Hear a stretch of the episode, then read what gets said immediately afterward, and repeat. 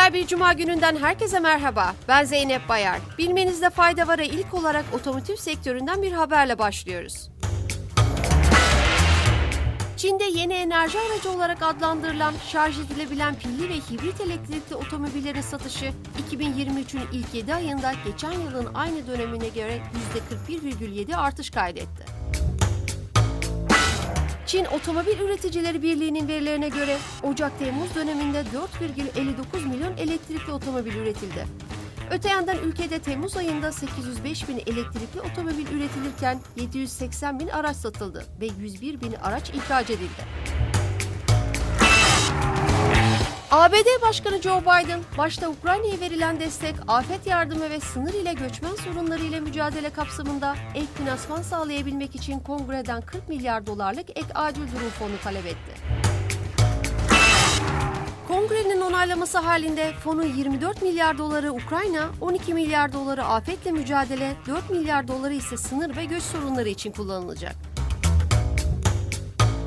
Uzay meraklıları burada mı?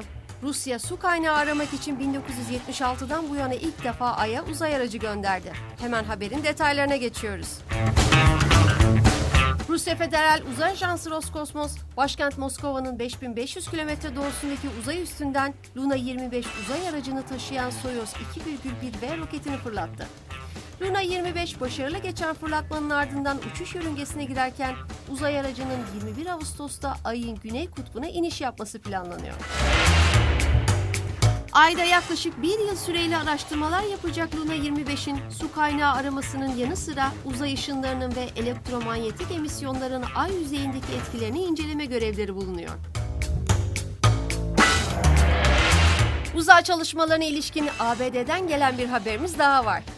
ABD'li Virgin Galactic şirketi ilk sivil uzay yolculuğunu yaptı. Gerçekleştirilen yolculukla 3 yolcu 45 dakika içinde uzaya çıkarak yer çekimsiz ortamda dünyayı izleme deneyimini yaşadı.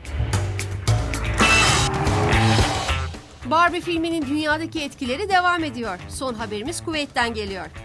Kuveyt makamlarının toplum ahlakını ve sosyal gelenekleri korumak için Barbie ve Talk To adlı filmleri yasakladığı bildirildi.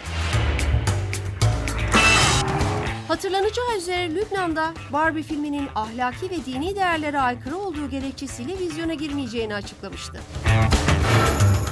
Bugünlük bu kadar. Haftaya tekrar görüşmek üzere. Hoşçakalın.